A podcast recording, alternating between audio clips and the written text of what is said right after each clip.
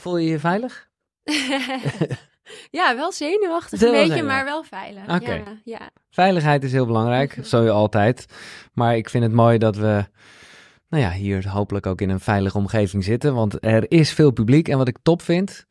eh, ik zag een comment eh, onder de YouTube-pagina op Koekeroe van iemand die zei: Zijn er ook wel eens mannen? En dat is zo, maar die zijn vaak niet in beeld. Nu is dat eh, gelukkig wel zo. Maar er zijn altijd genoeg mannen. Eh, en, maar voor vanavond kon ik me best voorstellen.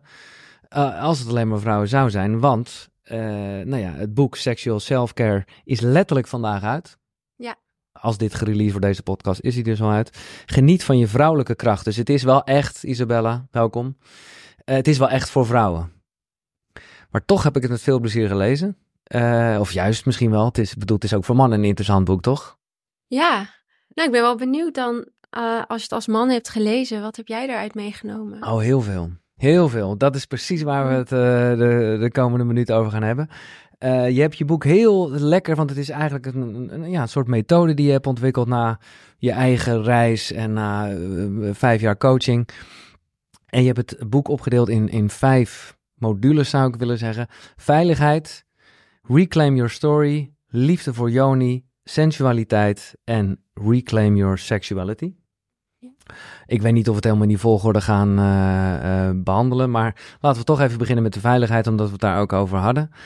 Wat ik heel mooi vind, is dat jij het hebt over dat de intentie van iets heel belangrijk is. Hè, dus eh, je kan gewoon gaan zitten of je kan gaan mediteren. Het is feitelijk gezien hetzelfde, maar de intentie is anders. En, en, en nou ja, zo gaat het ook over seks dus. En self-care, zou ik willen zeggen. Dus. ehm, en, en, en is, het- eh, kan ik dat eigenlijk ook zo, want op een gegeven moment, dat is later in het boek, heb je het over masturberen en eh self-care. Dat is Ja. eigenlijk ook de intentie, zeg maar, toch? Ja, inderdaad, wat ik zeg, wat is nou het verschil tussen masturberen en self-pleasure? Ja, ja, self-pleasure. Dat is ja. de intentie. En ehm, ik denk dat het heel mooi is als we onze seksualiteit kunnen gebruiken en inzetten met intentie, met meer bewustzijn, meer aandacht. Ehm, dat geeft het meer betekenis, meer diepgang. Ehm, je gaat je er op een andere manier tot verhouden. En ja, dat geeft een andere beleving, een rijkere beleving. En ik denk dat we in essentie allemaal daarnaar op zoek zijn. Naar hoe kan ik dat ja, rijker beleven? Mhm. Ja. Seks of het leven, of wat bedoel je? Beide, maar Ja, ik ja. denk seks. Ik denk, we worden ouder en we zijn allemaal bezig met persoonlijke ontwikkeling.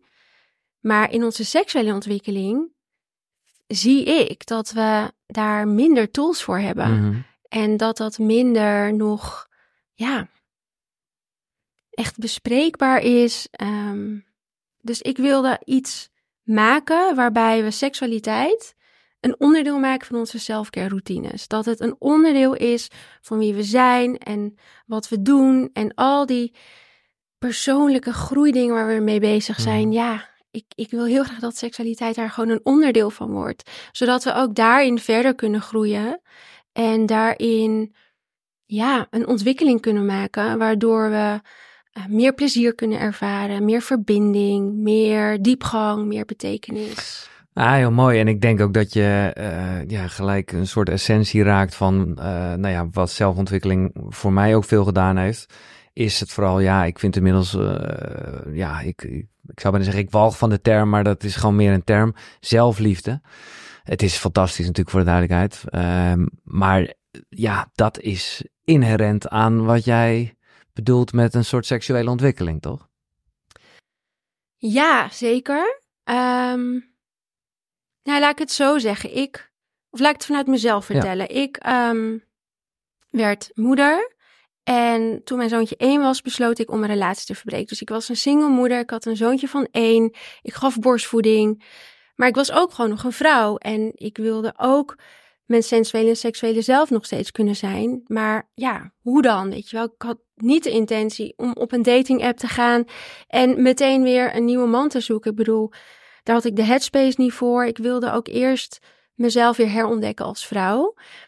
Dus dan kom je al snel uit op, nou, dan ga je met jezelf aan de slag. En we kennen allemaal wel het masturberen. Maar ik miste zo een soort van diepgang. Ik miste bepaalde tools die paste bij de ontwikkeling die ik aan het maken was als vrouw. Dus ik ontwikkelde me van ja, jonge vrouw, meden eigenlijk archetypisch gezien. En dan groei ik naar volwassen vrouw, naar wilde vrouw, naar ja, naar, naar, naar een meer volwassen versie van mij. En toen dacht ik, ja, maar hoe groeit ook mijn seksualiteit met me mee?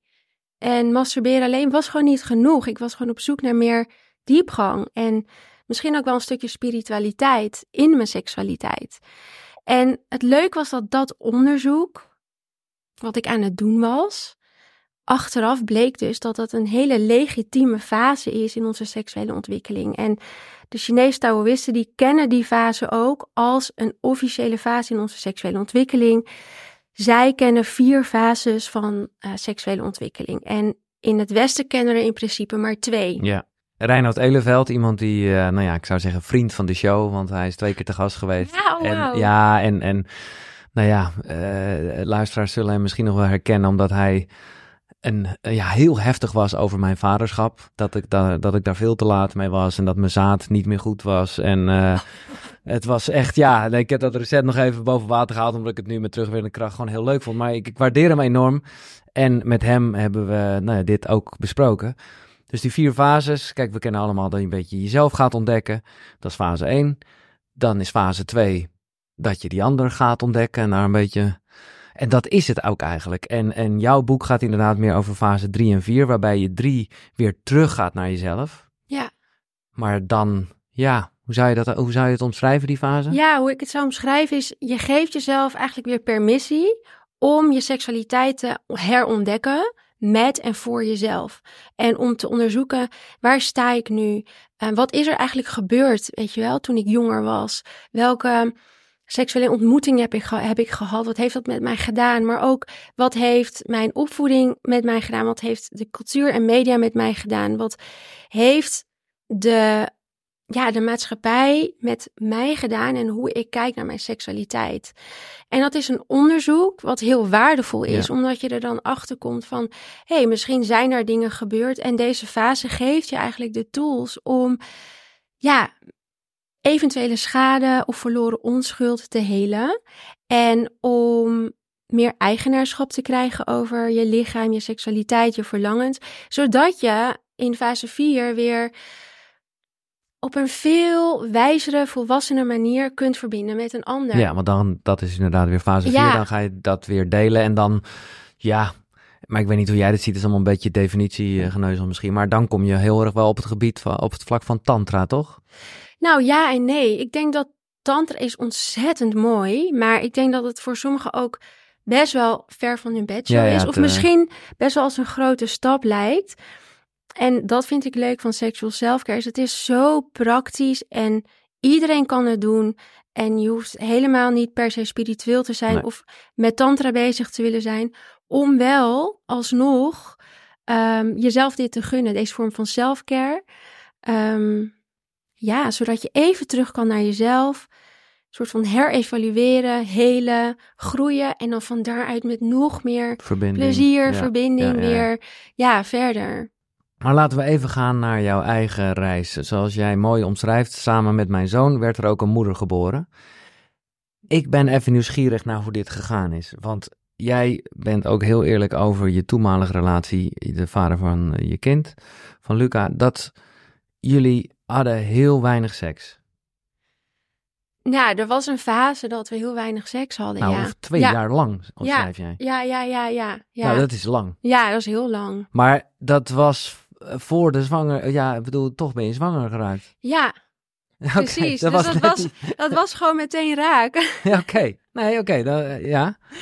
En uh, dat is natuurlijk gewoon super intens uh, op het moment dat je nou ja, uh, dan besluit om die relatie te beëindigen. Want je voelt natuurlijk ook wel bijna een soort verplichting om toch bij elkaar te blijven, kan ik me voorstellen. Ja, dat voelde ik niet. Het voelde niet als een verplichting, maar je gaat wel proberen, want je hebt een kind samen. en ik, ja. ja. dat is ook heel mooi dat je gaat kijken en naar tools gaat zoeken. Kunnen we hier iets van maken? Um, maar ja, ik kom tot het antwoord van nee, deze relatie draagt niet meer bij aan mijn waarheid en hoe ik mijn leven voor me zie. En Ehm, dus dat is een moedige keuze die ik toen heb moeten maken. En als ik daar dan op re- reflecteer, dan zie ik ook, ja, maar inderdaad, uh, uh, in onze seksuele, seksuele relatie stroomde het niet. Um, dus dat is ook al een signaal Mm. Mhm. die we gewoon serieus mogen Ja. nemen. En um, dat dat niet iets is van, oh, alles gaat goed behalve dat. Dus laten we dan maar doorgaan. Het is, het is een afspiegeling van. Ja, en Ja. eh, ik denk dat we daarin ook zeker mooie stappen hadden kunnen maken. Alleen het was niet ons pad. Het was Nee. niet voor ons weggelegd om met elkaar verder te gaan.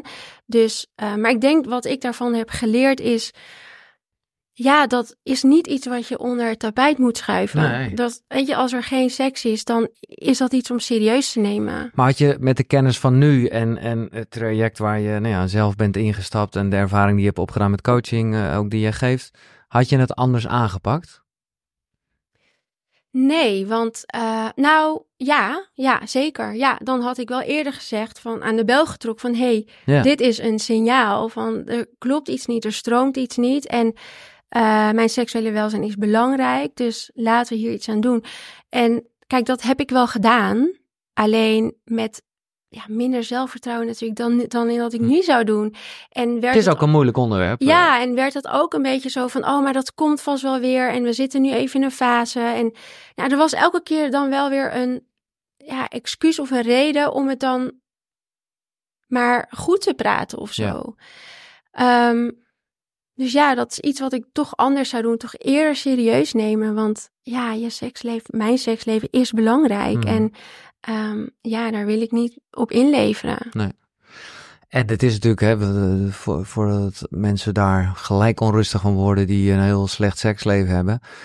Kijk, het is natuurlijk een afspiegeling, uh, ook wel ja. van de relatie.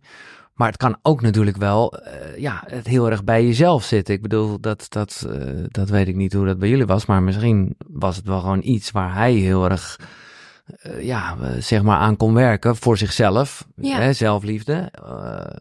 100 procent. Ja, ik geloof ook dat een relatie zou moeten bestaan uit twee mensen die beide willen groeien en die beide willen doen wat er nodig is om goed in je eigen vel te zitten, zodat je elkaar kunt supporten en samen verder kunt groeien. Dus groei is een belangrijke waarde voor mij, maar ik denk dat het ook een belangrijke waarde hoort te zijn in een gezonde volwassen relatie.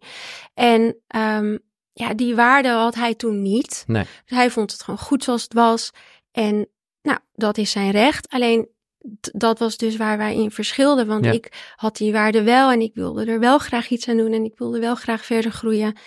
En ja, toen heb ik een besluit moeten nemen van ja, dan moeten onze wegen ja. uh, scheiden. Nou ja, moedig inderdaad, zoals je zegt. En een beetje flauw, maar zo is het toch allemaal met heftige dingen. Het is wel ergens goed voor geweest, namelijk hè, waar je nu staat, het boek dat je Ja. geschreven hebt. Dat is, dat, ja, dat, eh, precies. En, en, en ik neem aan dat je, omdat hij de vader is van jullie zoon, nog wel contact met hem hebt. Is hij verder dat jij weet, of misschien heb je het daar helemaal niet meer over, maar hoe, hoe gaat hij met seks nu verder?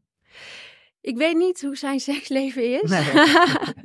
Ja, ja. Nee, maar um, kijk, het is een geweldig leuke man. Het is een geweldige vader. En hij steunt mij ook met dit boek en in alles wat ik doe. Dus dat is ontzettend leuk. Ja.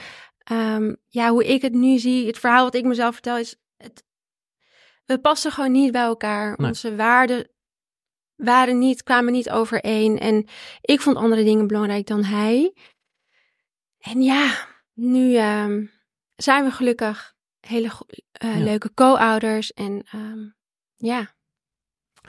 Het is dus mooi hoe jij omschrijft dat je alles in je leven wat meer mindful wil aanpakken. Dat is natuurlijk logisch ook als je in zo'n periode zit. En zo ging je ook, laat ik het maar even noemen, mindful masturberen. Ja. Ik merkte heel erg, nou niet zozeer weerstand, maar uh, ja, ja, ja, ik vind het machtig mooi en interessant hoe jij, ja, toch iets schrijft wat ik ook heel erg ken. Uh, namelijk toch een soort schaamte erover. Ja.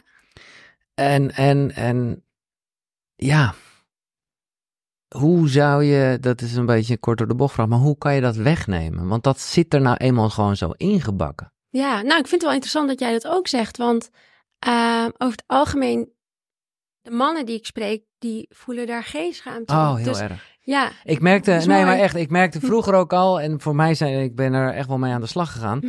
maar vroeger Hè, en uh, nou ja, dat als, als, als jongen masturbeer je gewoon echt wel veel. Maar op het moment dat ik op iemand verliefd was, dan ging ik dat echt niet meer doen. Zeker niet met diegene in gedachten. Wat ook gewoon een beetje raar is, want dan worden lust en liefde ineens twee paden. En dat is ook weer niet oké.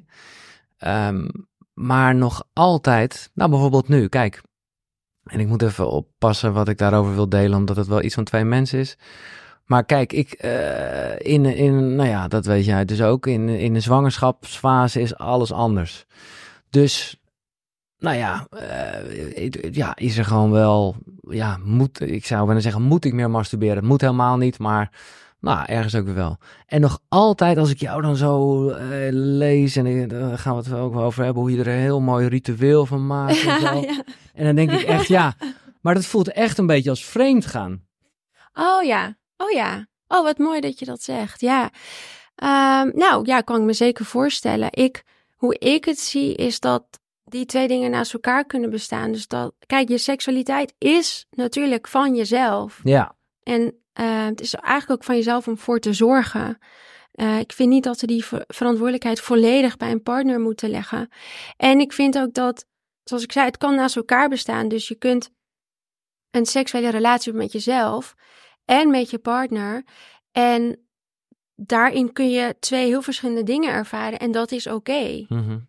Maar jij raadt dus eigenlijk ook aan, even los van de fase waarin ik nu zit, maar ook gewoon in een, in een, een normale relatie of op een normaal moment in een relatie, dat het er ook nog naast bestaat dat je ook masturbeert. Ja, 100 procent. 100 procent 100 procent. Ja, ik geef alle vrouwen waar ik mee werk, krijgen ook huiswerk van mij. Of je nou wel of geen relatie hebt.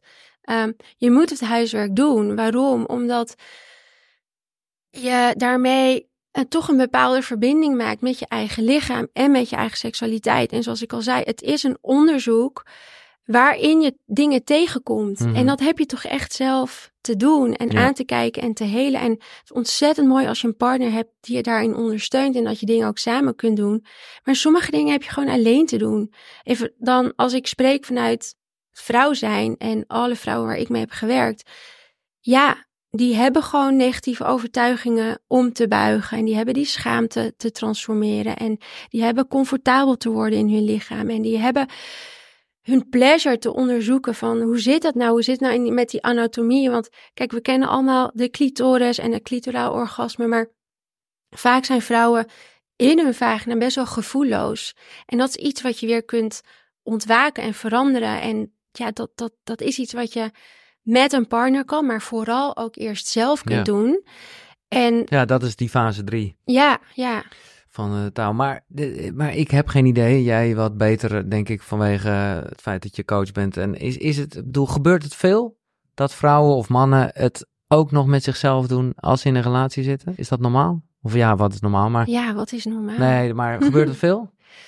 Ehm, nou ja, als of je moet met- jij ze wel echt aansturen om dat te doen? Ja, ik stuur ze aan Ja. om dat te doen. Maar goed, ze komen dan ook bij me omdat ze zich op dit vlak willen verder ontwikkelen. Ja. Ja, en je wilt je verder ontwikkelen.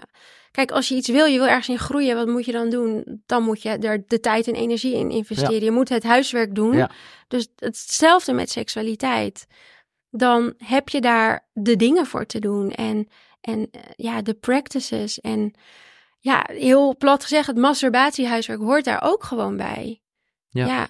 Maar even eh, nogmaals die vraag die wat veel te groot is. En dat is eigenlijk eh, wat er echt wel in, in, in jouw boek ook staat. Maar toch, hoe kan je de schaamte, dat gevoel omtrent masturberen wegnemen op een manier dat je er dus ook echt rustig in kan worden? Want voor mij is het toch ja, letterlijk eh, spanning. Mhm. En, en nou ja, dat is natuurlijk wat seks sowieso bij veel mensen helaas is. Hè, met echt letterlijk gespannenheid en zo. Ja, hoe kan, ja, hoe kan, ja. Ja, nou, goede vraag. Nou, ik denk dus te beginnen met de intentie. Dus stel jij hebt daar nog schaamte op of je denkt, ja, het is toch raar als ik naast mijn partner een seksleven heb met mezelf. Maar stel je hebt de intentie om je seksuele energie beter te cultiveren en te gebruiken voor je eigen vitaliteit en gezondheid. Ik zeg maar iets. Mhm. Dat is een hele mooie intentie waar je partner uiteindelijk ook heel veel voordeel van gaat hebben. Ehm, dus stel je, jij zou zeggen, ik ga dat huiswerk doen, want ik wil die energie, weet je wel, ik wil, er, ik wil weten wat ik daar eigenlijk allemaal mee kan. En je kan er heel veel mee. Je kan het naar allemaal plekken brengen in je lijf. Je kan ermee manifesteren. Ehm, dus dat zou eigenlijk al, Ja. een- zeg maar, je maakt het daarmee Ja. voor jezelf legitiem. Ja, Laat ik nee, het zo nee, nee, zeggen. maar de intentie is ook weer heel anders dan... Ja, eh, je bedenkt een reden van waarom zou ik dit gewoon mogen doen. Gewoon leuk, weet je. En mag het ook gewoon leuk zijn. Mag je ook gewoon genieten van jezelf en van je eigen lichaam. Maar goed, die schaamte, ja, dat is ook onderzoeken. Nou, ten eerste, ik denk bespreekbaar kunnen maken. Dus dingen opengooien, daarmee. Dat schaamte, het, het, je schaamt je ervoor omdat het in de schaduw ligt. Het mag er niet zijn. Nee. Maar zodra het er mag zijn, maak je, dan gooi je het eigenlijk al open. Dan komt er al licht op en dan ineens oh, is het niet meer zo erg. Dus bespreek het met een vriend. Nou, ik zeg altijd tegen vrouwen, zorg dat je een sisterhood om je heen hebt. Dat er vrouwen zijn in je omgeving waar je mee kan praten. Vraag gewoon eens een keer een vriendin, nou, hoe doe jij dat? Of zullen we samen een challenge doen? Of eh, laten we samen een opdracht uit, die, uit dat boek doen, weet je wel? Ehm, dus met elkaar bespreken, dat helpt al, ja, het open te gooien, maar ook onderzoeken, maar waarom schaam ik me dan? Wat, wat denk ik erover? Wat zijn mijn overtuigingen? Wat heb ik meegemaakt in het verleden waardoor ik me ervoor schaam? Mhm. Ik ben, eh, eh, ik ben gepest. Ik werd uitgescholden voor hoer. Ik Op was een elf. moment, ik wil net ik zeggen was dat je nog helemaal elf niet en seksueel ik actief had nog was. nooit Nee. seks gehad en ik werd Nee. al hoer genoemd. Ja. Dus wat krijg ik mee daardoor? Oh, ik ben een vrouw en ik, ik zie er sexy of sensueel uit. Of gewoon, ik zie er mooi uit. En blijkbaar is dat al te veel en, en is mijn seksualiteit iets waar ik me voor moet schamen. Want anders ben ik een hoer en dat is gewoon vet erg. Ja. Ehm, dus zeg maar, die boodschappen die krijgen we mee terwijl we opgroeien. En we zien in de media, zien we dingen, we horen om ons heen, oh zij is een slet, zij is een Mhm. hoer. Ehm, dat zijn allemaal boodschappen die we krijgen en dat doet wat met ons en hoe we kijken naar ons lichaam en seksualiteit. En daardoor ontstaat er onder andere schaamte. Ja. Of angst of schuldgevoel. En daarachter komen en ja, die overtuigingen kunnen ombuigen, dat zorgt er ook. Je maakt jezelf vrij. Ja. Dat is wat je doet en dan verdwijnt schaamte. Ja, je hebt, eh, en er staan meerdere mooie affirmaties in, maar specifiek op dit gebied. eh, ik ben mijn eigen tempel, de veiligheid, de heiligheid en het helend vermogen zit in mij. Ik ben altijd goed genoeg. Ik, ik, ik pik er een paar uit. Ik houd van mijn lichaam en ik ben haar dankbaar. Ik geniet van mijn lichaam. Echt, ik, eh, ja, ik, het zijn echt handige ja, tools bijna, wat je wel echt dan ook zo moet voelen. Ja, En ik vind het mooi hoe jij omschrijft dat, dat, eh, nou ja, dat je erachter bent gekomen eigenlijk. Dat dat zaadje geplant is op een moment dat je helemaal niet wist. eh, nou ja, überhaupt wat het was. eh, wat het, bedoel, ja, Nee, wat, nee. seksualiteit was. Ik zou wel willen zeggen, maar dat is niet jouw boek. En ik weet ook niet of het mijn boek gaat zijn. Ik, maar ik, ik, eh, ik, ik herken het ook omgekeerd. Hè, dus waar, waar slutshaming, waarbij vrouwen dat heel erg is, zit er bij mannen ook gewoon onwijs een soort stigma op. Dat je maar wijven moet Ja. neuken. Dat je maar, eh, eh, ja, ja, nou ja, dit eigenlijk. Ik, eh, ik weet niet of daar een woord voor is, maar het is, ik herken het wel heel erg, namelijk 100% eh, of 180 graden anders. Dat ik dacht, Ja. shit, wat, wat zitten we toch allemaal in hokjes te denken? ja. Ehm, maar oké, dat is een side note. ja, dat is mooi. Dus eigenlijk lijden zowel mannen als vrouwen onder ja, een bepaald beeld wat we Ja. hebben gecreëerd van Ja. seks en seksualiteit. Wat eigenlijk dienend is aan niemand. En dat dit werk belangrijk is voor vrouwen, maar ook voor mannen. Ja. Ja, Maar toch nog even een concrete vraag over dat mindful masturberen, wat ik graag zou willen leren. Maar even, waar denk je dan over na? ja.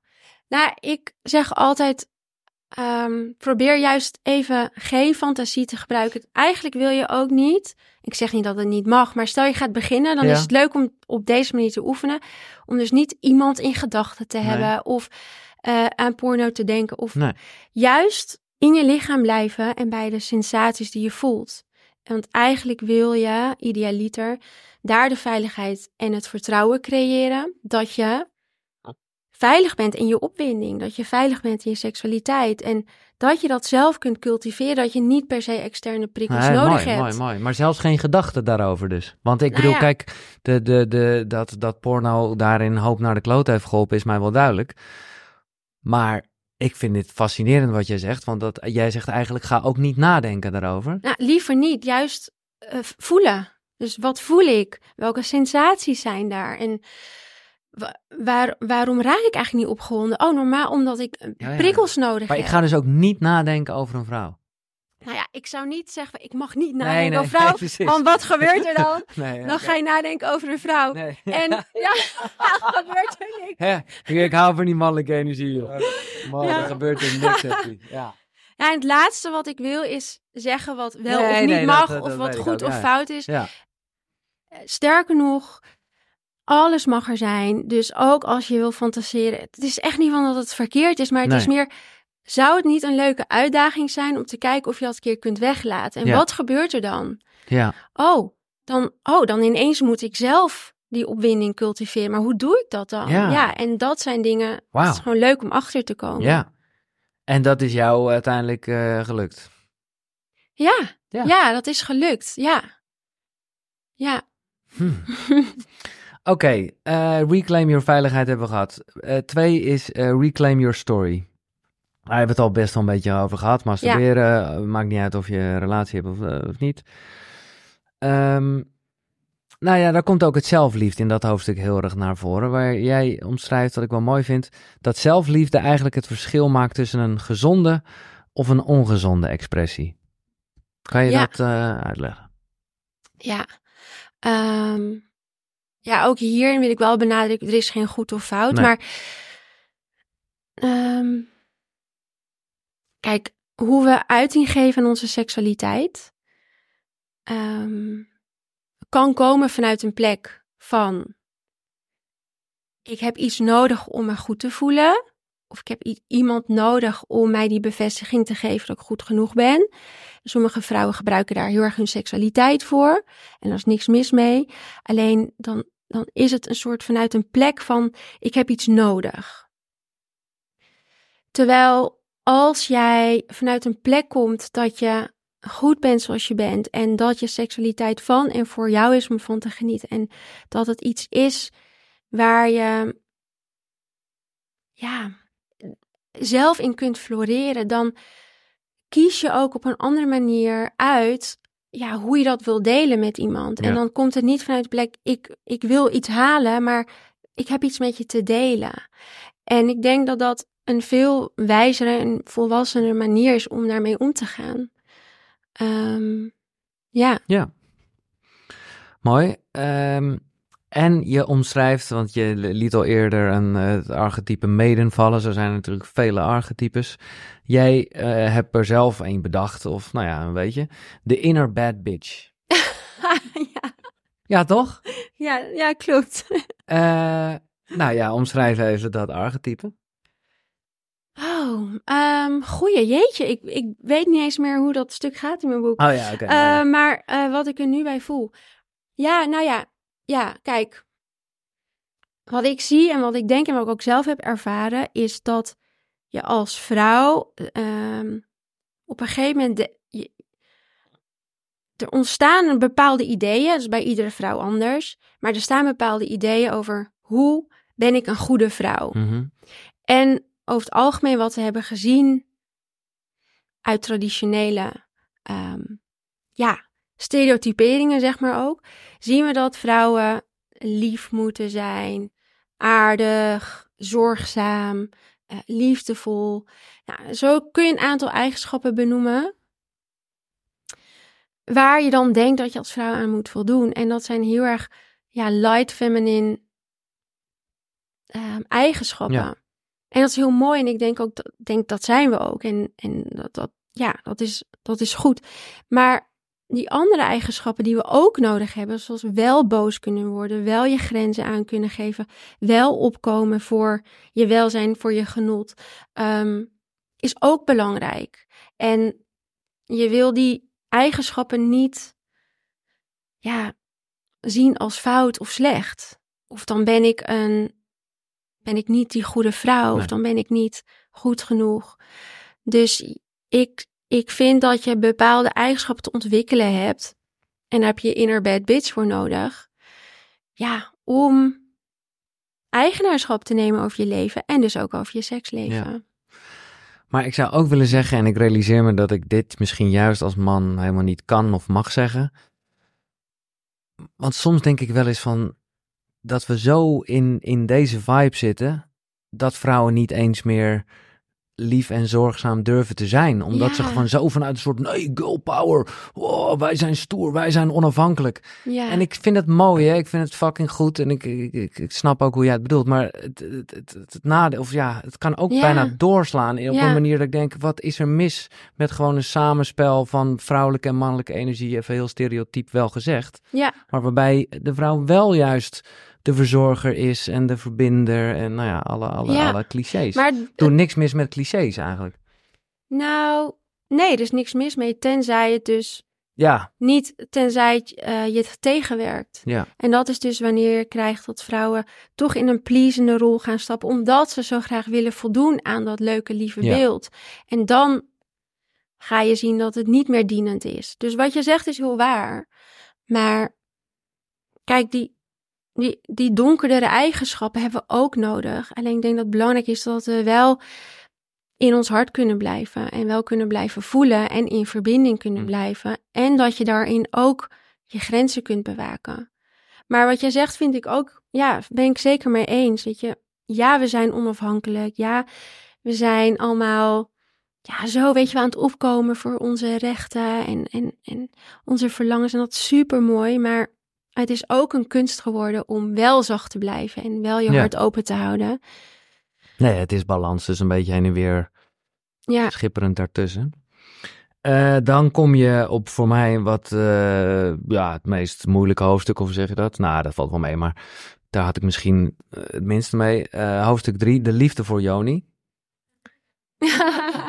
Nou ja, ik heb er ook liefde voor natuurlijk. Ja. Eh, eh, maar ja, als het heel erg gaat over Joni is je vriendin. Ja, ik weet het niet. En dat is misschien kan jij daar weer geen antwoord op geven. Ik weet ook niet of, of, eh, ja, of mannen het zo kunnen zien. Dat weet ik oprecht niet. Bedoel je over jij? Ja, ik weet niet of mijn piemel nou echt mijn vriend kan zijn. Mhm.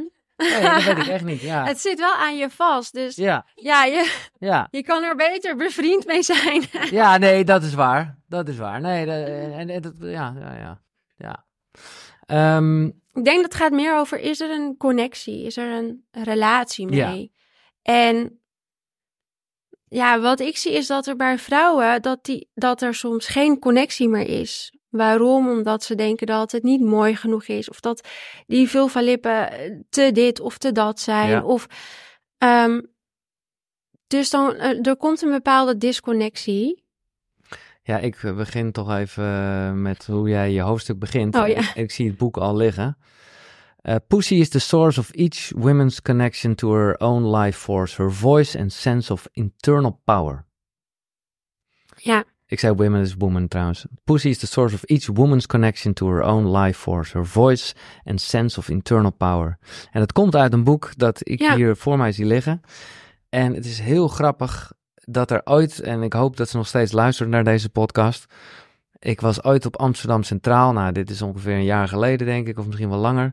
En er komt een dame op me af, zo tussen de trein door. Zegt: Ah, ik luister altijd naar je podcast. Weet je wat je echt moet lezen? Pussy, Reclamation. Dat gaat heel erg over waar jij het vaak over hebt. Ik heb het boek besteld. Ik herken ook de kaft. Ik heb hem nog gewoon nooit gelezen, maar ook omdat het Engels is en er gewoon geen Nederlandse vertaling nog is. Uh, Nee. En ik ben gewoon niet zo goed in Engels. Maar jij hebt hem nu hier voor me liggen. Uh, Regina Thomashauer. Ehm ja, dus dat is een van je drie boeken. Ja. Wa- waarom, uh, wat, wat lees ik in het boek als ik het wel ga lezen? Ja. Ehm ja, een reclamation, dus een soort van herwinning Ja, van dit deel van je lichaam. Ja, dat het niet iets is om maar over te blijven klagen over iets. Ja, ik heb het is alweer zo lang geleden ik heb gelezen, maar, het is een beetje wat jij net zegt eigenlijk ook al. Uh, gewoon, het- gewoon nou ja, de liefde voor Joni, gewoon... ja, maar ook pussy, hè? Dus dat woord, je, je hoort het eigenlijk al, dat woord is ook, wordt ook gebruikt als scheldwoord. Ja, ah ja. Ehm, dus wat zij wil doen Maar ja, dat is... is lul ook. Dat, dat geldt natuurlijk... Uh, Ja, maar precies. Ja, nee, precies. Maar nou ja, dat is ook een mooie. Kunnen we die woorden weer herwinnen als iets wat echt oprecht iets ontzettend moois en waardevols is. En het is een onderdeel van ons lichaam. En het is, het is toch echt de bron van onze creatiekracht. Mhm. Dus ja, en ik weet niet meer precies wat er nou in het boek staat. Maar ik weet wel dat het me zo heeft geactiveerd. En dat het voor vrouwen, denk ik, zo belangrijk is om ergens te kunnen zien en lezen van: oh ja, dit, dit is mijn bron van kracht. Ja, en, en ja. Wat Ja. kan ik er nog meer over Nou, zeggen? ja. Ik heb er een heel hoofdstuk over geschreven. Dus Nee, en dat, dat, dat is ook echt gewoon, nou ja, het, het, het- het- inderdaad, gewoon eh, duidelijk voelen echt in al zijn facetten en al zijn organen. Want ik denk toch dat er wel een verschil zit tussen, even los van, van mooiheid, maar eh, tussen Joni en Pussy. Want Joni is toch wel een beetje zo'n soort alles. Ja, het, is een Sanskriet woord. Het is, staat volgens mij voor heilige tempel, vrouwelijke tempel. En het, is zeker een ander woord. En ik merk ook aan mezelf, ik gebruik zelf liever het woord yoni. Ja, Maar ja, er zijn ook vrouwen die het anders willen noemen. En dat is ook oké. Dus eh, ja, ja. Ehm, het gaat er meer om dat we comfortabel worden met ons eigen lichaam en met bepaalde woorden. En dat we het niet meer zien als scheldwoorden. Of, Nee. Ja, Even technisch gezien, hoe sta jij erin? De G-spot, bestaat die? wat is dat? Ja, De G-spot. Oh, de G-spot. is dat iets wat bestaat? Ja, ja, Ja? honderdduizend procent. Oké. Ja. Denk jij van niet? Nou, ik denk dat het geen spot is. Mm, Ik denk dat het meer een soort zone is. Ja, ja, ja. Ja, klopt. Dus ja. Weet je, bij spot denk je gelijk, oké, die plek moet ik Ja, vinden nee, eh, nee, ja, klopt. Dat is misschien ook wat verwarring brengt voor vrouwen. Dat ze denken, ik moet een bepaalde plek vinden. Ja. Terwijl het gaat over een heel gebied. En dat gebied heeft heel veel opwarming tijd nodig. En vraagt ook van een vrouw een bepaalde maat van overgave. En ik zie dat dat wel een uitdaging is bij vrouwen. Dus echt een overgave kunnen gaan. En dan, dan is het moeilijk om via die plek ook echt tot een orgasme te komen. Maar het kan wel en die plek bestaat zeker. Top. Ehm, laten we eerst de boeken maar even voordat we doorgaan met jouw eigen Sexual Selfcare boek. Ja, dit is leuk. Ik onderbreek even het gesprek, maar eh, alle boeken die je net gehoord hebt, die zijn terug te vinden natuurlijk op de site koekeroe.nl slash boekenkast. Maar ik heb een extraatje, want daar vind je ook een link naar een aanbieding van Nextory, waarmee je alle boeken 50 dagen gratis kan lezen en luisteren. En hebben we het niet alleen over deze drie boeken. Nee, er staan daar 300.000 luisterboeken en e-books. Dus ga naar koekeroe.nl slash boekenkast om 50 dagen lang gratis Nextory te gebruiken. Top toch? Thanks. eh, wat is je tweede boek? Mijn tweede boek is Liefde als medicijn van Mariette Ruggenberg. En ehm, dit is een vriendin van mij. En wat ik heel erg van haar heb geleerd en uit het boek heb gehaald, ehm, gaat over wat is nou een volwassen en bewuste relatie en hoe groei je daar naartoe als koppel. Dus zij zegt heel erg, we beginnen in een fase van verliefdheid en, en, en dan heb je een roze bril op en dat is allemaal superleuk. En op een gegeven moment merk je, het gaat een beetje schuren en dat wat je leuk vindt aan iemand, dat vind je ineens niet meer leuk, gaat je zelfs irriteren op een gegeven moment. Nou, en wat zit daar nou achter? Wat is nou onze verborgen agenda in de liefde? En die, die irritaties kun je dus eigenlijk zien als, ehm, ja, als, als soort van, het Spiegel. schijnt licht Ja. op delen in jezelf die nog ongeheeld zijn. En je daar bewust van worden als koppel. Wat raak jij in mij? Wat raak ik in jou? En hoe kunnen we dat, ja, hoe kunnen we daar samen in groeien? En groeien naar een meer bewuste en volwassen relatie. Dus dat vond ik, vond ik heel Ja. mooi en ook heel praktisch. En ehm ja, en dus las je het? Las je het... eh, oh ja, wanneer in je ik las dit toen ik net mijn relatie had Ja, verbroken. precies. ja, Ja. dus dat, dat Net was te toen, laat eigenlijk. Ja, ja, ja, net te laat. En echt heel veel aha-momentjes achteraf. Ja. Ja, dus maar ik denk, ik denk dat we, dat we vaak in relaties niet begrijpen, wat gebeurt er nou? Hoezo is die roze bril er niet meer? En hoezo stroomt het dan niet meer in ons seksleven? En als je begrijpt wat er nou echt gebeurt en wat er onbewust gebeurt, Mhm. ja, dan kan je daar dus samen in verder groeien. Het hoeft, dan, je hoeft dan niet per se uit elkaar te gaan of te zeggen het werkt niet. Nee, het doet me ook een beetje denken aan wat jij omschrijft over de Tao. Dat je eerst die fase 2 hebt, hè, met eh, een beetje ontdekken bij elkaar, maar dat het daarna ook weer Ja, Terug naar jezelf en dan weer terug naar Ja. elkaar. Liefde als medicijn. Ik ben Ja. eh, mooi. En dan het derde boek. Ja, dat is een... eh, misschien is hij hier al vaker ja, maar dat maakt getipt, niet uit. niet? Het ja, is, ja, ja, ja. dat dacht goed, ik al. het is ja, het ja. blijft zo'n goed boek. Erotische intelligentie van Esther Perel. Ik vind haar zo'n leuke relatietherapeut. En in het boek, nou ja, allemaal praktische voorbeelden. Of nou, praktijkvoorbeelden volgens mij. Van koppels die dan in haar praktijk zijn. En dan het stroomt niet meer in hun seksleven. En dan ontrafelt ze, zeg maar, waar ligt dat nou precies? En ik denk dat het zo herkenbaar is. Heel veel herkenbare voorbeelden. Maar ook hoe, hoe je daar eigenlijk, hoe je dat weer kunt doorbreken. En kan je daar een eh, tipje van de sluier op lichten hoe je dat kan doorbreken? Ehm, ik, oh jeetje, ik heb dit ook al zo lang niet meer gelezen. Ehm, nou, ik denk, kijk, we willen een bepaalde veiligheid en verbinding in een relatie, maar eigenlijk heeft erotiek juist iets anders nodig. Mhm. Juist een beetje dat vrij, die vrijheid en het gevoel van ehm, nieuwigheid en nieuwsgierigheid. En ik denk dat het belangrijk is om ook in een veilige en verbonden relatie, om alsnog die ruimte te laten voor mysterie en voor speelsheid. En zodat die erotiek ook kan blijven Ja. stromen. Maar dat vind ik mooi dat je het zegt, want dat had ik een beetje. En nu maak ik een stapje in jouw boek. En dan gaan we straks nog wel over sensualiteit hebben. Maar dan gaat het over, nou ja, de, de, het laatste hoofdstuk, Reclaim Your Sexuality.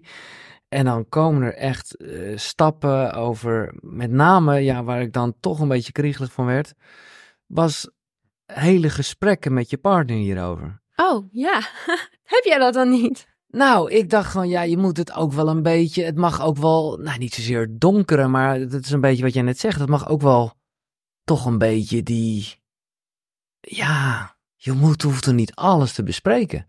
Nee. Ik vind dat je het zo kapot maakt ermee als je helemaal gaat zeggen van, nou, schat, we gaan er even voor zitten. En dan omschrijf je echt helemaal, eh, ja, dan gaan we reflecteren. Ehm, stel je kwetsbaar open, verken het samen. eh, en dan ga je een beetje je seksuele wensen en grenzen bespreken. Ja, Ja, ja ik hoor je dat iemand zeggen, dat is toch super mooi. nou, ik vind het, ik bedoel, ik vind wel, ik vind, natuurlijk moet je dingen bespreken. En in godsnaam geef dingen aan, ook zeker. Maar ik vind ook, maar dat is misschien ook mijn beperking, dat ik, het, het moet ook wel iets, iets rauws nog hebben. Of iets, oeh, iets spannends. In Ja. plaats van, ja. Maar dat kan het nog steeds zijn. Kijk, in het moment is het altijd spontaan en is het altijd authentiek als het goed is. ja dat- Maar ik denk als, kijk, je seksleven is niet iets vanzelfsprekends. nee. In het begin wel. En laat ik het zo zeggen, als je dat leuk wil houden en dan het. Het is iets organisch. Dus het is niet van we hebben een goed seksleven, dus dat is voor altijd zo. Nee. Nee, ieder moment is nieuw, ieder moment is anders. En ik geloof als je daar niet over blijft praten, dan komt er een punt waarop je toch teleurgesteld raakt. Of denk, oh, ik mis toch iets. Of, oh, ik heb toch iets niet uitgesproken. Daarover in gesprek gaan en blijven is gewoon echt essentieel. Vind ik. Nee, daar ben ik ook helemaal met je eens hoor. Ik bedoel gewoon meer als je er echt zo'n moment van maakt, zoals jij omschrijft. Ja, maar zo'n moment van maken vind ik dus wel belangrijk. Waarom? Kijk, je wilt een, een, een veilig kader neerzetten om je zo kwetsbaar te kunnen, openste- Ja, te ja. kunnen openen. En kijk, ehm, misschien is het voor jou vanzelfsprekend, weet ik niet. Maar niet voor iedereen is het vanzelfsprekend dat als je iets deelt met iemand, dat diegene ook echt luistert om het te ontvangen. Mhm. En om je te willen begrijpen. En om daar niet meteen een antwoord op te geven. En niet meteen een oordeel over te hebben. Of het niet meteen weg te wuiven. Dus daarom zeg ik. Creëer een veilige plek waarin je dingen kunt delen. Waarin je naar elkaar kunt luisteren. Wanneer, waarin je ook echt kunt ontvangen. En waar je afspreekt met elkaar. Wat het ook is wat je wil afspreken om je veilig te voelen. Maar dat er naar je wordt geluisterd, dat er geen oordeel is en dat je ook allebei je best doet om elkaar tegemoet te komen. Ja, misschien, hè, ik weet niet hoe, misschien is dat voor jou heel vanzelfsprekend, maar dat is voor heel veel Nee. mensen niet vanzelfsprekend. Nee, nee, maar dat, dat- ja, nee, ik hoor ook wat je zegt en dat, dat is ook mooi en ik denk ook dat het vaak wel heel goed is. Maar ja, wat ik een beetje bedoel is, er moet wel iets van die spanning blijven. En ik ben zo bang dat als je echt helemaal voor gaat zitten en even de notulen doorneemt van nou, dit wil ik uiteindelijk en eh, dit zijn mijn wensen. Ja, de volgende keer dat je seks hebt, dan zit je alleen maar na te Ja. denken, oh ja, wat had ze er weer ook over gezegd? Terwijl ik denk, ja, laat het je luisteren een soort reis zijn met dat je misschien steeds een beetje verder gaat op dat gebied of niet. Ah, weet je, ja. ja. Ik, ik, Ja. ik- mis- ja, maar misschien is het ouderwets, maar ik vind toch wel dat je het niet helemaal eh, moet, moet plat analyseren. Nee, dat ben ik ook met je eens hoor. En denk ook niet dat dat hoeft. Ik denk dat het zowel iets heel spontaans kon blijven. Maar als je voelt, ik wil toch iets erover delen. ja, nee, of absoluut, ik heb absoluut. een bepaalde intentie en daar wil ik je in meenemen. Want je kan ook voorstellen van, hey, heb, vind- lijkt het je ook leuk om samen een tantra-oefening te doen? Ja, dat zijn dingen, dat, Ja. dat overleg je even met elkaar. Maar wat gaan we dan doen? Wat lijkt jou leuk? Nou, dit lijkt mij leuk. Nou, Nee, zeker. ja, dat, Ja. dat wil je toch initiëren en bespreken. Ja. Ehm, ja. Ja, nee, nee. Eh, laten we nog even naar de sensualiteit gaan. Hè? De, de, de, nou ja, verbondenheid met jezelf. Want dat is misschien wel de essentie van wat dat is. Je zit een hele mooie, nou, ik wilde zeggen bodyscan in, maar meer gewoon je zintuigen Ja, eh, prikkelen. Ehm, en dan omschrijf je weer een ander archetype, de, de lover. ja, En dat is een mooi type, maar tegelijkertijd dacht ik, ja, elk archetype, wat is, wat is de donkere kant van de lover eigenlijk? Of de, eh, ja. Ja, de minnares Ja, ja, ja, precies. of de, de verleidster of de hoer. Ja. Ja. Nee, dat vind ik wel fijn dat je dat zegt. Omdat ik ergens ook. eh, toen dacht ik, maar goed, ik snap dat ik met mannelijke energie dit boek aan het lezen ben. Eh, en dan, dan komt er je sensuele zelf. Stel je voor in een prachtige, rustige omgeving. Een wilderige tuin, een strand, een sereen bos, een zachte bries op je huid. Ja. En ik vind het mooi, hè? Maar ergens dacht ik, en ik ben benieuwd, ik, ik- eh, ja, is mijn ervaring ook wel dat een vrouw dit allemaal fantastisch vindt, maar ook wel vaak zoiets voelt van, god, Sam, en ik vind dit moeilijk om te Mhm. zeggen, maar ook moeilijk, of nog veel moeilijker om te doen.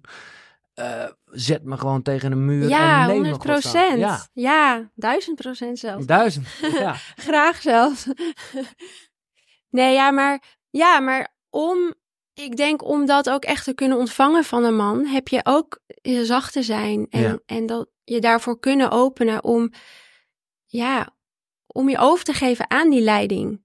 En sensualiteit is zo iets moois, omdat je als vrouw daarmee in contact komt met je zintuigen, alles veel rijker ervaart, seks ook veel fijner ervaart, omdat je veel, veel meer voelt Mhm. en je veel meer kunt spelen eigenlijk met wat je allemaal kunt, ja, kunt eh, voelen met al je zintuigen.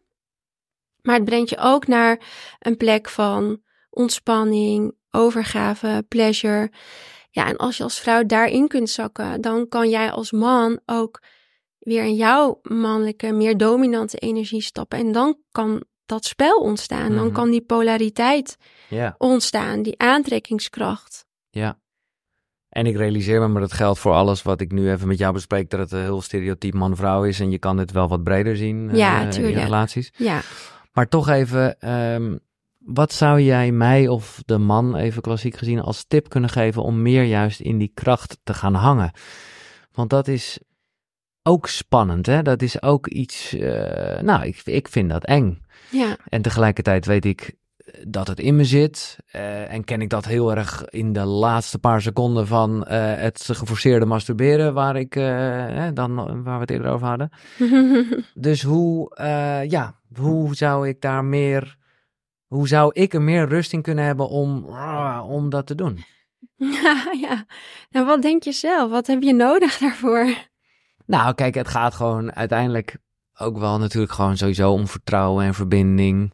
En ik denk ook wel dat je daarin in groeit.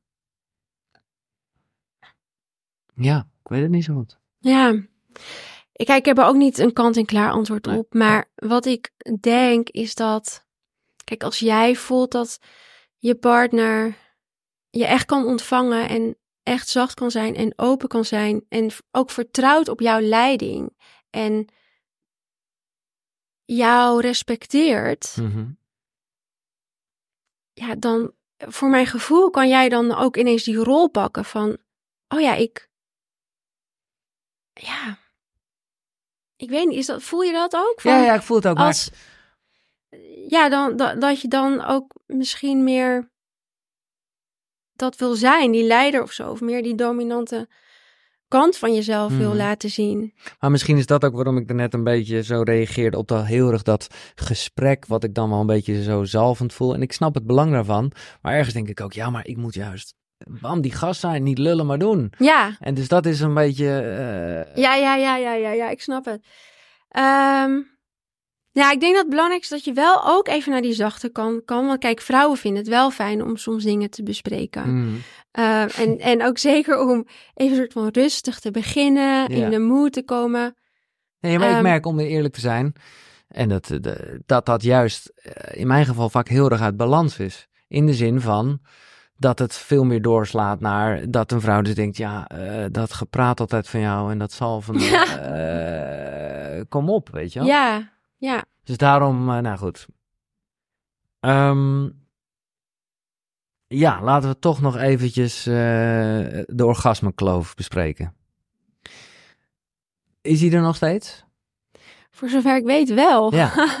Dus dat is, eh, nou ja, dat, dat 80, 90 procent van de mannen altijd wel een orgasme heeft. En 30 procent van de vrouwen zo ongeveer. Nou ja, Ja, eh, er zit 30 verschil in ieder geval. Tot 60 procent ongeveer. Dit is een gewaagde uitspraak misschien, maar is het niet ook gewoon een beetje logisch dat het zo is? Ja, ja en nee. Ik, ik vind ook dat er niet zo'n heel zwart-wit antwoord op is. Ehm, kijk, als je als hetero-stel gewend bent om gewoon alleen maar penetratieseks te hebben, ja, dan is het heel logisch dat veel vrouwen dan niet tot een orgasme komen. Ehm, ik, ik weet het niet. Ik vind zelf ook van ja. Ik, ik, ik, ik zal eerlijk zeggen, ik weet niet, voor, als, ik, als ik vanuit mezelf spreek, Mhm. mo- moet het voor mij altijd? Nee, nee. En dat voelt bijna gek om te zeggen, want ik ben de sekscoach en, en ik moet toch altijd, weet je wel, eh, voor mijn orgasme opkomen. Maar nee, ik voel dat gewoon niet altijd en daar ben ik helemaal oké mee. Dus ben ik ervoor om per se die orgasmekloof, weet je wel, te dichten? Ik weet niet of dat het doel zou moeten zijn. Ik denk dat er nog veel meer stapjes tussen liggen die ook belangrijk zijn. Zoals voor vrouwen om te onderzoeken, maar op welke manier kan ik nog meer orgasmes hebben? Naast alleen dat clitoraal orgasme. Weet je, hoe kan ik dat G-spot orgasme hebben en baarmoedermond orgasme? En dat zijn dieper liggende orgasmes die we wel kunnen bereiken met penetratie. Alleen dat is iets waar, ja, wat we moeten oefenen. Ja. ja. Dus daar mag, mag ook, weet, dat is een proces en, en, en daar mag ook tijd, daar mag je tijd voor nemen. Dus ja, eh, is het dan erg als je niet altijd een orgasme hebt? Ik weet niet, ik ben benieuwd wat anderen daarvan vinden. Ja, Die vinden het wel, jij vindt het wel erg, zegt een dame hier in de zaal. ja, Ja. Als je seks kan hebben, moet je klaarkomen. Ja. Ja, ja, ja. ja, ja. ja, precies. Dus dat, maar dat is mooi. Dus Ja. als jij dat heel sterk voelt, ja, fantastisch. En maar ik vind ook, als een vrouw dat niet voelt, is het ook oké. En moet je niet die druk voelen van, maar nu, Nee. als ik nu niet tot orgasme kom, dan, eh, dan trek ik aan het kortste eind en heb ik gefaald. Dus ja, eh, ik weet niet. Het is, het is voor mij dan niet zo zwart-wit. Mooi. Maar hebben we winst te behalen daar? Ja, honderdduizend Dat denk procent ik ook. zeker. Ja. Ja. waarom ik het zei is ook meer omdat het voor mezelf. En dit was, zou je kunnen zeggen, in de Tao's had ik even in fase 3 en begon ik met koekeroe. En nou ja, de, de, de luisteraars die eh, het begin hebben geluisterd van al mijn eerste afleveringen of die dat herbeluisteren, was een soort terugkeer in de vraag als er mannelijke gasten waren van, hey, eh, wist jij dat je eh, niet, hè, dat er verschil zit tussen een orgasme en klaarkomen? Hè? Dus, dus, dus tussen een ejaculatie en een orgasme. Nou, dat ging een wereld voor mij Ja. open. Omdat voor mij was het gewoon dat hetzelfde. Ehm, en dan eh, heb je het al snel over tantra en dat loskoppelen en valleiorgasmes en eh, waanzinnige wereld. ja. Maar daarom zeg ik, ja, snap ik wel dat die orgasmekloof er is. Meer vanuit een soort evolutionair oogpunt. Dat gewoon, ja, voor veel mannen dat wel altijd hetzelfde is geweest. Dus ja, er moet gewoon zaad eh, komen om eh, überhaupt eh, een keer een voortplanting te veroorzaken. Ja, Ja, als je het zo bekijkt, ja, snap ik. Want het orgasme zelf zou je kunnen zeggen, heeft gewoon niet echt een functie, los van het feit dat het heel fijn is en, en allemaal onwijze voordelen heeft die jij ook omschrijft. Maar als we het hebben even over, over biologie. Ja, precies. Ja, Ja, jij mag eh, daar zeker wat zeggen. Ja, ik heb recent het boek gelezen De waarheid over seks van Ellen Laan en ik zeg uit mijn hoofd Tim nog iets. En dat staat hier wel haaks op, want zij zeggen seks is ehm, primair om lust te beleven en helemaal niet om eh, nageslacht te creëren. Dus die hechten een veel grotere waarde aan orgasme. Eh, die zeggen ook, eh, overigens, de G-spot bestaat niet wetenschappelijk bewezen. 80.000 onderzoeken, hier heb je de lijst. Ja, maar goed, bestaan dus wel, dit is een beetje definitie Want bestaan, bedoel, het is wel algemeen bekend dat er dus wel lichamen zijn die... Te- dat, ja, clitorale, dat clitorale systeem. Maar in die zin is een diep, eh, hoe zeg je dat, baarmoeder. Of, nou goed, maar niet uit. Dat heeft met het hele clitorale systeem te maken. Maar ehm, eh, ja, ten aanzien van die, van, van, van die ehm, orgasme en ten aanzien van het doel van seks, stellen zij, seks heeft niets anders eh, tot, tot doel dan het beleven van genot. Dat is toch anders dan. Ja, dat is heel anders. Nou ja, dit is een beetje koor op de molen van Reinoud, Reinoud Eleveld, die daar ook gewoon eigenlijk een soort onderscheid in maakt. Of je hebt seks zoals jij het omschrijft, dan zit je veel meer in de tantra, verbinding met elkaar en het spel. En dan is het orgasme natuurlijk ja, wel eh, een onderdeel daarvan. Of je bent gewoon bezig met voortplanting, waar toevallig wel een soortgelijke handeling voor nodig is. Maar het is, ik bedoel, ik weet niet wie, ik ga me er zeker in verdiepen. Maar om het helemaal los te koppelen vind ik een tikkeltje onwaarschijnlijk. Omdat ja, eh, je maakt het toch op die manier. Nee, dat is, dat, dat, dat is even. Ja, goed, ze kunnen het zelf. Ik zou het boek kan ik van harte aan. Het is Ja. echt, echt een waanzinnig leuk boek. Eh, zij leggen ook uit met allerlei onderzoeken hoe dat precies zit. Maar ik was ook in de veronderstelling van: hey, eh, seks heeft als primair doel het creëren van nageslacht. Ja, Eh, vrij succesvol. ja. En zij stellen dat dus helemaal anders. En dat ja vond nou, ik- maar dat vind ik, eh, nou, dan, dan, dan raad ik dan op mijn beurt weer Reinhard Eleveld aan en de, de Tao-traditie. Want ik, ik, ik bedoel, ja, het is wel dat die drift natuurlijk vandaan komt. En, en daar ervoor, ja, anders zouden we elkaar niet voor, zouden we gewoon niet voortplanten. Nou, er zijn ook sp- meer spirituele tradities dus, zoals eh, tantra en taoïsme, die wel ook zeggen dat seks een middel is voor zelfrealisatie. Ja. Dus het is, eh, je kan er ook letterlijk spirituele ervaringen mee hebben. En kijk, dat ik zeg dat, hè, dat orgasme is niet zo zwart-wit, dat is ook omdat we als vrouwen een reis aan het maken zijn naar die dieper liggende orgasmes, waar mensen inderdaad nog steeds over zeggen, dit bestaat niet, dat bestaat niet, maar het bestaat wel, want ik heb ze en andere vrouwen hebben ze ook en ze zijn diep, diep transformerend, ontzettend Mhm. spiritueel Zeker. en elke keer is het, het is gewoon, het is letterlijk life-changing. Dus is seks dan alleen bedoeld voor voortplanting? Nee, ik denk dat ook bedoeld is Zeker. echt letterlijk voor persoonlijke groei, eh, verdere bewustzijnsontwikkeling en spirituele groei. Dus ja, verschillende doelen, denk Ja. ik. En het is, dit is dus ook maar net waar je, waar je staat in jouw journey. En wat voor jou op dat moment belangrijk is. Dus ja, er zijn fases geweest voor mij dat, dat ik dacht, ja, maar ik wil ook gewoon altijd klaarkomen. En dat is oké. Maar er is ook een fase geweest dat ik zei, maar ik wil nu iets anders onderzoeken. Dus ik ga me nu niet focussen op dat orgasme, want dan kan ik dit en dit oefenen. En toen lag het orgasme van tafel. En wat ik daarmee wil zeggen is, altijd maar dat orgasme als doel hebben is niet altijd belangrijk. Nee. Soms wel, maar soms ook niet. Nee. Het, ligt dus, het ligt dus weer aan je intentie. Ja. Wat is het wat jij wil creëren met je seksualiteit in een bepaalde fase van je leven? Duidelijk. Ehm, ja, er is nog één dingetje wat ik zie staan hier op mijn papiertje, maar we hebben het al een beetje besproken. Het gaat meer over libido en hoeveel, hoeveel allerlei factoren daarvoor eh, eh, van invloed zijn. Wat ik nog wel zelf dacht, en in het begin van het boek omschrijven ze het ook. Kijk, een van de redenen waarom je libido laag zou kunnen zijn, is stress. Maar is het niet zo dat stress ook heel erg kan helpen als een soort drive eh, om, om, om die uitlaatklep te hebben in seks?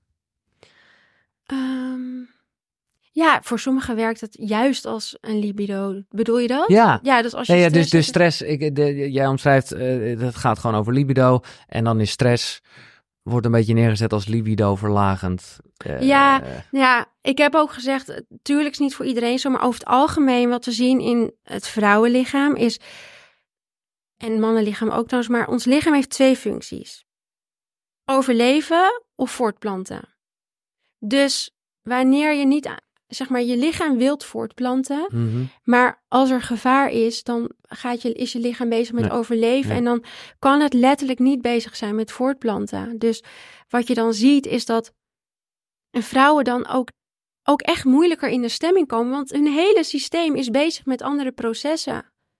Dus daarom zeg ik altijd, die ontspanning en goed voor jezelf zorgen en een goede gezondheid en een goed welzijn.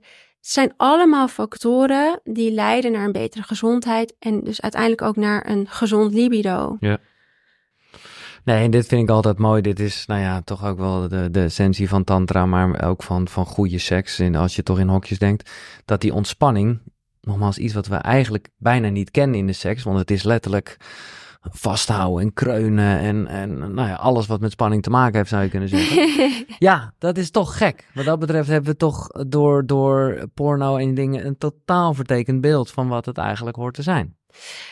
Ja, ja, ja. En dan, dan ja, nogmaals, denk ik niet dat dat verkeerd is. Nee. Maar ik denk wel dat het een hele leuke uitdaging is voor als dat inderdaad de manier is waarop je seks hebt. En als dat de manier is waarop je naar een orgasme toe werkt. Weet je, met spanning en vasthouden. En dat het dan leuk is om te kijken, oké, maar wat gebeurt er als ik loslaat? Wat gebeurt als Ja. ik heel diep adem? Daarmee Wat spelen, gebeurt er? Ja. Ja, en dan, dat is heel leuk om mee te oefenen, want dan ga je heel ander orgasme beleven en ga je seks anders beleven. En dan is het niet verkeerd als je het dan weer een keer zo doet, Nee. maar dan ga je ook ervaren hoe het anders kan. En ik denk dat het voor, als ik dan weer even spreek voor vrouwen, dat het een hele mooie oefening is om dus te kunnen in die overgave te kunnen gaan. En wat jij ook eerder zei, weet je, vrouwen zijn nu zo ehm, ja, willen zo de controle hebben eigenlijk over alles, dat het bijna een kunst is om dat los te laten. En ik denk dat in ons seksleven dat een super mooie uitnodiging is om dat te oefenen. Ja, en dan als je meer kan ontspannen, meer kan overgeven, dan ga je seks anders beleven, kan je andere orgasmes beleven, maar kan je ook in het dagelijks leven gewoon veel meer vertrouwen, veel meer loslaten. Gewoon veel relaxer en blijer door het leven gaan. Ja. Nou, jij, jij, jij schrijft ook ergens dat je volgende boek misschien wel over eh, de verschillende orgasmes gaat. Ja, Is dat echt, denk je? Of, eh, nou, ik denk het wel echt, ja. Ja. Ja, ja. het is zo. Er, er zit zo'n verdieping in, wat dat zoveel verder gaat dan alleen dat ehm, anatom- anatomie. Het is zo gebonden aan energie en die vrouwelijke energie en de mate waarin je je veilig kunt voelen en kunt overgeven. En dat is dus ook weer iets wat je creëert in een dynamiek met een partner. Eerst natuurlijk in jezelf, maar Ja. ook met een partner. En dat is zo'n bijzonder proces. Dus Mhm. ja, daar zou ik heel graag ook nog wel eh, dieper op in willen gaan. ja. En, en ehm, ja, want dit gaat heel erg over eh, seks met een partner. Als het gaat over echt een relatie, zeg maar. Hoe kijk je aan tegen, ja, wat net al even werd aangestipt, veel meer het, het, het, het lustachtige gede- gedeelte waarbij diegene misschien helemaal niet kent. Of niet goed kent, laat ik het zo zeggen. Ja, ehm, Ik ben heel traditioneel, vind het gewoon eh, niet zo bedoeld. mhm. En vind het, eh, weet je, ik heb me ooit een keer op de radio laten bevredigen door iemand. ja, en ik voelde me echt heel smerig daarna. En dat was ook wat ik zei. En dat was, en mensen vonden het vooral, mensen vinden het nu vooral een soort coole, stoere daad van, ik was heel jong. Maar ik zei toen ook letterlijk na afloop, oh, maar zo heeft God het helemaal niet bedoeld. Ja, dat, en dat is weer Wat een. Ja, ja dat, maar dat, is, dus, dus dat zit ergens nog wel in mij. Maar dat is ook, ja, misschien. Ja, nou, ik ben gewoon benieuwd hoe jij erin staat. nou, ik vind het wel mooi dat je seksualiteit eigenlijk iets ziet als iets sacreds, Ja, toch? ja, ja, ja. Ja, zo zie ik het ook. Maar ja, niet iedereen ziet dat zo en dat hoeft ook niet. Nee. Kijk, mijn uitnodiging met het boek is inderdaad om te kijken of je dat kunt vinden in jezelf. De- toch een bepaalde mate van sacredness, van heiligheid. Maar het hoeft niet. Ja, Nee. ik, ik ken ook genoeg mensen die dat niet zo zien en die op dating apps zitten en Ja. hun seksualiteit op die manier exploreren. En ja, dat kan Ja. ook heel leuk zijn. Ja, Ja, ja, maar ik ben toch, maar goed, dan zit ik het wel te veroordelen en dat wil ik ook niet, want ik deel jouw open mening. Maar ergens kan ik me toch niet aan de indruk onttrekken dat er dan toch heel erg, dat het wordt ingezet als een soort tool om de bevestiging te krijgen dat je goed genoeg bent en eh, dat allemaal. ja. Ja, ik denk we bevinden ons allemaal zo in een ander bewustzijn, een andere ontwikkeling. En ja, we doen allemaal uiteindelijk ook maar wat. Ja, zo is het. Top. En, Ja, dat is lekker. En, en hoe is je seksleven eigenlijk? Want het lijkt me, ik zou het doodeng vinden om jouw partner te zijn. ja, dat snap ik. Ja, omdat je er zo bewust Ik vind van het ook bent, altijd eh, wel spannend. Ik zat dus op een dating app en, en toen, ja, op een gegeven moment wil iemand dan weten, wat doe je voor werk? En dan Ja. denk ik, oh, ga Ja. ik dit nu vertellen? Ja. Ja, nou, dat, dat vind ik ook wel lastig, want dan denk ik, ja, dan heeft diegene weer meteen een bepaalde verwachting of zo. Ja, Nou, vooral bij zichzelf, onwijs. Ja. Dat je denkt, goh, eh, ja. ja.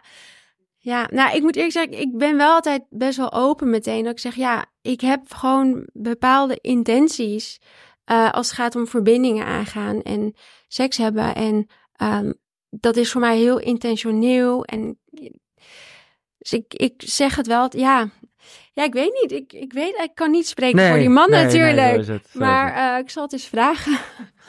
Oh ja, wat ik nog zeker even wil bespreken, zeker omdat daar nu een hoop om te doen is, eh, is eh, anticonceptie, de pil. Eh, tenminste, dat is dus precies waar dit over gaat. Kijk, ik ben altijd echt, nou ja, het is niet om mezelf op de borst te kloppen, maar bij welke relatie ik ook was, ik zei altijd stop ermee, ik ga het wel met condoom doen. Ehm, en ik weet dat jij ook wel, nou ja, eh, sorry, ik zit je heel erg te sturen in deze vraag. Hoe kijk je aan tegen anticonceptie?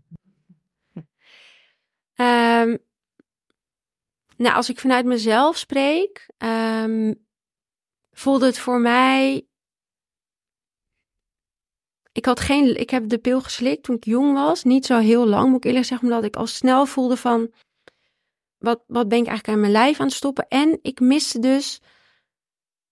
Ja, dat klinkt gek, maar ik miste mijn cyclus. Ja, Ik dacht, hè, maar ik voel me de hele tijd hetzelfde. Wat wel goed was, gelukkig in mijn geval. Maar ik heb ook vriendinnen en cliënten die gewoon letterlijk depressief worden daarvan.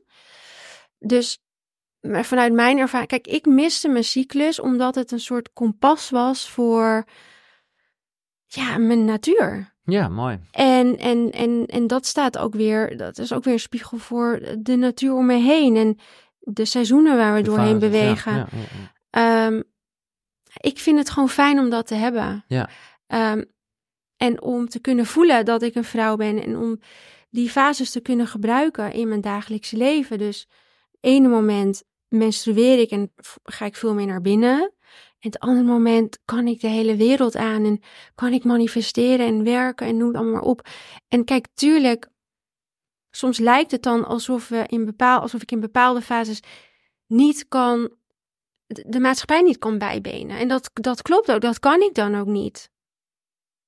Maar ik heb besloten van ik, ga me, ik ga, wil niet meer het gevoel hebben dat dat iets slechts is. Ik wil het juist zien als iets heel moois. Ja, het is gewoon een.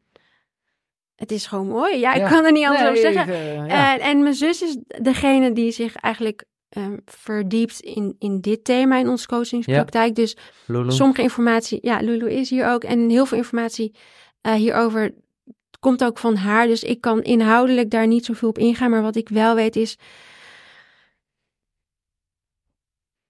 dat een, een, een menstruatiecyclus is er niet voor niks. Nee. Dus dat onderbreken met de pil, ja, dat, daar ga je gewoon op een gegeven moment gevolgen van zien. Het is onnatuurlijk. Dat Ja. is gewoon wat het is. Eh, En bij de een is het depressiviteit, bij de ander, ehm, nou, libido. eh, ja, libido. t- Maar kijk, en, want ik, nogmaals, ik vind dit. eh, ik was altijd, of ben altijd wel, van dat ik, nou, waar we het net over hebben, het is gewoon onnatuurlijk. En wat denk je zelf? Hormonen slikken. Doe, En wat doe was, voor niet. jou de, wat was voor jou dan de reden om te zeggen van, Nou, omdat liever ik, niet dat je dat nou omdat, omdat, ik, omdat het gewoon, je moet niet iets aan jezelf toevoegen als het niet van jou is. Dus het is, het is, dat is echt crazy. Alleen, ik vind het heel goed dat dat wat meer gemeengoed is geworden. De- Want ik hoor meer eh, geluiden hierover. En Ja. wat dat betreft is er wel een goede empowerment beweging aan de gang. En, maar tegelijkertijd, ja, blijkbaar is het voor mannen heel moeilijk om een condoom om te doen. Uh, dus dan komen er allemaal uh, temperatuur-apps of weet ik veel hoe het werkt. Ja, nou ja, lang verhaal kort. Als ik dan ook lees dat er nog nooit zoveel abortussen zijn gepleegd. Ja, dan denk ik, shit, dan weet ik even niet wat goed is. Nee. Ja, het is ook een, het is een stukje educatie waar we allemaal ons in moeten verdiepen. En ja, het is ook iets wat we serieus mogen maar hoe, nemen. hoe zie jij dat als rol als uh, influencer? Uh... Ja, ik, wat ik zelf heb gedaan, ik ben mijn eigen cyclus leren, aan, gewoon gaan leren kennen met inderdaad temperaturen. En ik weet, nu, ik weet nu precies hoe mijn cyclus in elkaar zit. Ik weet precies wanneer ik wel en niet vruchtbaar ben. Dus het is eigenlijk heel simpel om, om het bij te houden. Um, maar, maar dat, dat is ook jouw veiligheid. Dat is ook jouw. Ja, maar kijk, dat is omdat ik weet dat ik mijn hele leven een gezonde en regelmatige cyclus heb. Maar het gevaar is als je een onregelmatige cyclus hebt als vrouw. Ja, dan is het steeds, dan is het niet zo betrouwbaar. Nee. Want... En je zou kunnen zeggen, als je met de pil stopt, dan is het eerst nog echt wel even een tijd onregelmatig, ja. toch? Ja, ja. Ja, nou ja, de, deze vraag wil nee, Lulu misschien ook, beantwoorden. Uh, ja, ja. Ik weet, ik ga daar niet te veel op in nee. de diepte, maar wat... Ik merk maar gewoon dat ik er zelf ineens anders zo, of althans dat het begin gewoon begint te wankelen, omdat ik zelf echt groot voorstander ben van het afraden van de pil.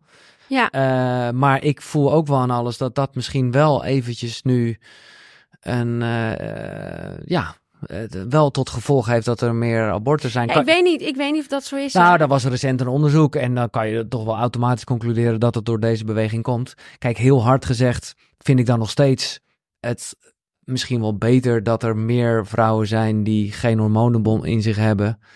Vind ik misschien wel belangrijker dan dat er. Uh, ja. Maar ja, de abortus is fucking heftig ook. Ja, ontzettend. Dus Kijk, ja. ik weet niet of er een direct verband is. Kijk, het is logisch om zo te denken, Ja, maar ik weet niet of het zo is. Nee. Maar ik denk dat het wel gaat over een stukje eigenaarschap nemen hierover. Kijk, met de pil geef je eigenlijk je kracht weg. Je zegt van, ik weet allemaal niet hoe het werkt, dus ik slik maar een pil en dan ben ik veilig. Maar je bent nooit veilig als je niet zelf veilig bent jezelf en je eigen lichaam eigenlijk Nee. niet echt kent. Dus ik denk dat daar heel veel winst en kracht te behalen valt als je als vrouw dat leert kennen van jezelf. Maar ik ben ook wel benieuwd hoor, hoe andere vrouwen hierover Ja. denken. En ik, ik zeg ook echt niet dat er goede of foute keuzes zijn. Maar wat voor mij ontzettend goed heeft gewerkt en voor heel veel vrouwen in mijn praktijk is toch ja, in contact komen met je cyclus. Omdat je daarmee je cyclus terugkrijgt, een gezond libido. En dat zijn twee heel belangrijke graadmeters voor vrouwelijke gezondheid en welzijn.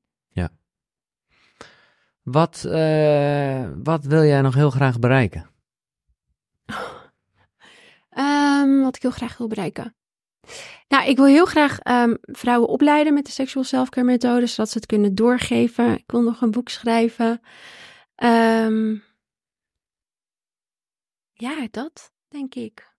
En, Voor nu, ja. ja. eh, niet nagedacht over deze vraag, nee, nee, maar wat nu me En ik, opkomt. ik ben nog gewoon benieuwd, en het, nogmaals, dit is mijn, eh, of nogmaals, dit is mijn eigen eh, tijd waarin ik zit. Want ondertussen heb ik hier mijn telefoon die ik nooit eigenlijk in de buurt heb. Maar nu denk ik, ja, als Floor app, dan stap ik op mijn fiets en ben ik Ja. weg.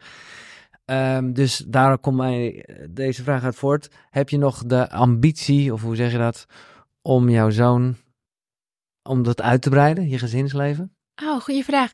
Nou, voor nu niet. Nee. Nee, nee, ik vind het heel mooi, het moederschap. Maar het heeft ook zoveel van me gevraagd.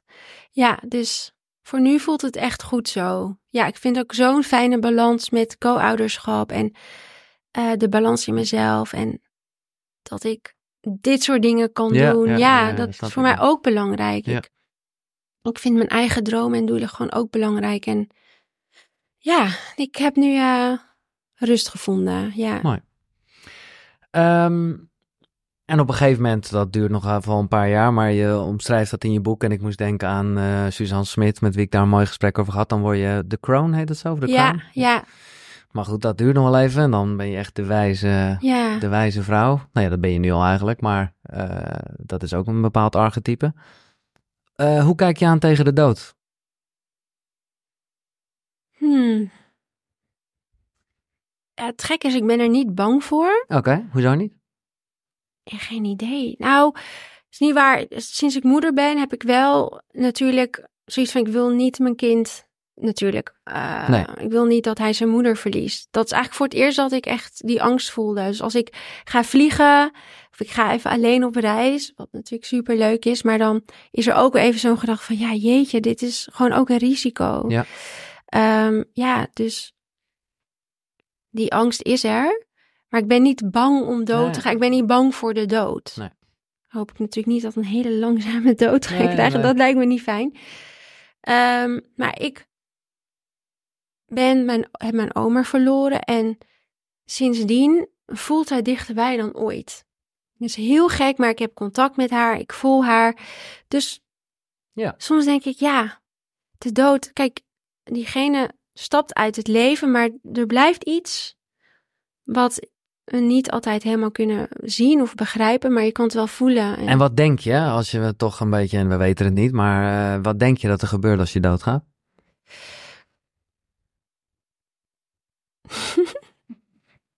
Ik heb echt geen idee. Ja, ik, ik tuurlijk, ik kan wel zeggen van, oh, dan ben je een ziel en dan ga je terug naar dat. En, Ja, ja. Maar ik weet niet, het is allemaal zo theoretisch. Maar wat ik erbij voel is, ja, je hebt geen lichaam meer, maar de energie of de ziel of zo is er dan nog wel. Dat is hoe ik het dan voel. En zo, is ook, dat, zo voel ik ook mijn oma Ja. bij me. En ja, dat denk ik. En dan ehm, misschien reïncarneer je opnieuw, misschien niet. Dat, weet, dat durf ik niet Nee, te nee. zeggen. Wat denk jij dan? Nou, ik denk eh, dit wat jij zegt, absoluut. Eh, en, en, en ik, eh, zoals jij dat omschrijft met je oma, zo heb ik dat ook heel erg nog steeds met mijn vader en met mijn zus. Waarbij je gewoon juist een soort. Oh, ik vind het heerlijk om aan ze te denken. Ook omdat ik weet, ja. Dus dood zijn bestaat niet echt. En dan is er altijd wel een soort energie die er hangt. En dan kom je weer terug. Nou, precies wat jij zegt. Maar goed, Isabella is op een gegeven moment dan wel van deze planeet. Ehm, hoe wil je herinnerd worden? Oh, ehm, ja, ik merk dat het meest belangrijk is toch wel ehm, mijn rol als moeder. Ja. Ja. Dat snap ik. Maar eh, ja, je ik wil gewoon dat Ja. mijn zoon Maar los daarvan. zegt dat ik een hele Nee, leuke, lieve, goede En ik- moeder en ben. ik, en ik voel meer dan ooit dat dat de essentie is. Maar toch eh, ja, zijn er ook meer mensen die jou kennen. Dus los van eh, Luca en, en ook eigenlijk los van je familie. Maar gewoon mensen die hier zijn. Mensen die, die, die eh, jouw boek hebben gelezen. Of een coaching sessie van je hebben gehad. Of jou volgen op Instagram. Hoe wil je dat zij jou herinneren? Ehm, ja, jeetje, ik vind dat een moeilijke vraag. Ik, wat ik wil, ik, ik wil niks daarin. Nee, nee, ik, ik, nee, zo denk ik er nooit over. Ik, ik doe wat ik voel, wat ik te doen heb. En ik weet dat ik daarmee een impact maak. En dat vind ik Ja. fantastisch. Maar ik heb niet zoiets, ik wil dat je me zo herinnert. Ik, wat ik hoop is dat ik vrouwen het gevoel kan, he- heb gegeven ehm, dat ze het waard zijn en dat ze krachtig zijn. En Nou. ja, dat ze die kracht weer Ja. altijd kunnen vinden in zichzelf. Ah, dat vind ik mooi, want ik zit ook de hele tijd te kijken naar je boek, Sexual Selfcare, maar vooral ook naar de ondertitel, en dat is wat je zegt, geniet van je vrouwelijke kracht. En ik denk dat je daar nu Koekeroe. veel meer vrouwen daarmee indirect ook mannen mee helpt. Dus eh, mag ik een applaus voor Isabel? Oh. Ik ben benieuwd wat je ervan vond. Laat het weten in de reacties. Dit was Koekeroe. Tot de volgende zonnegroet. Hoi.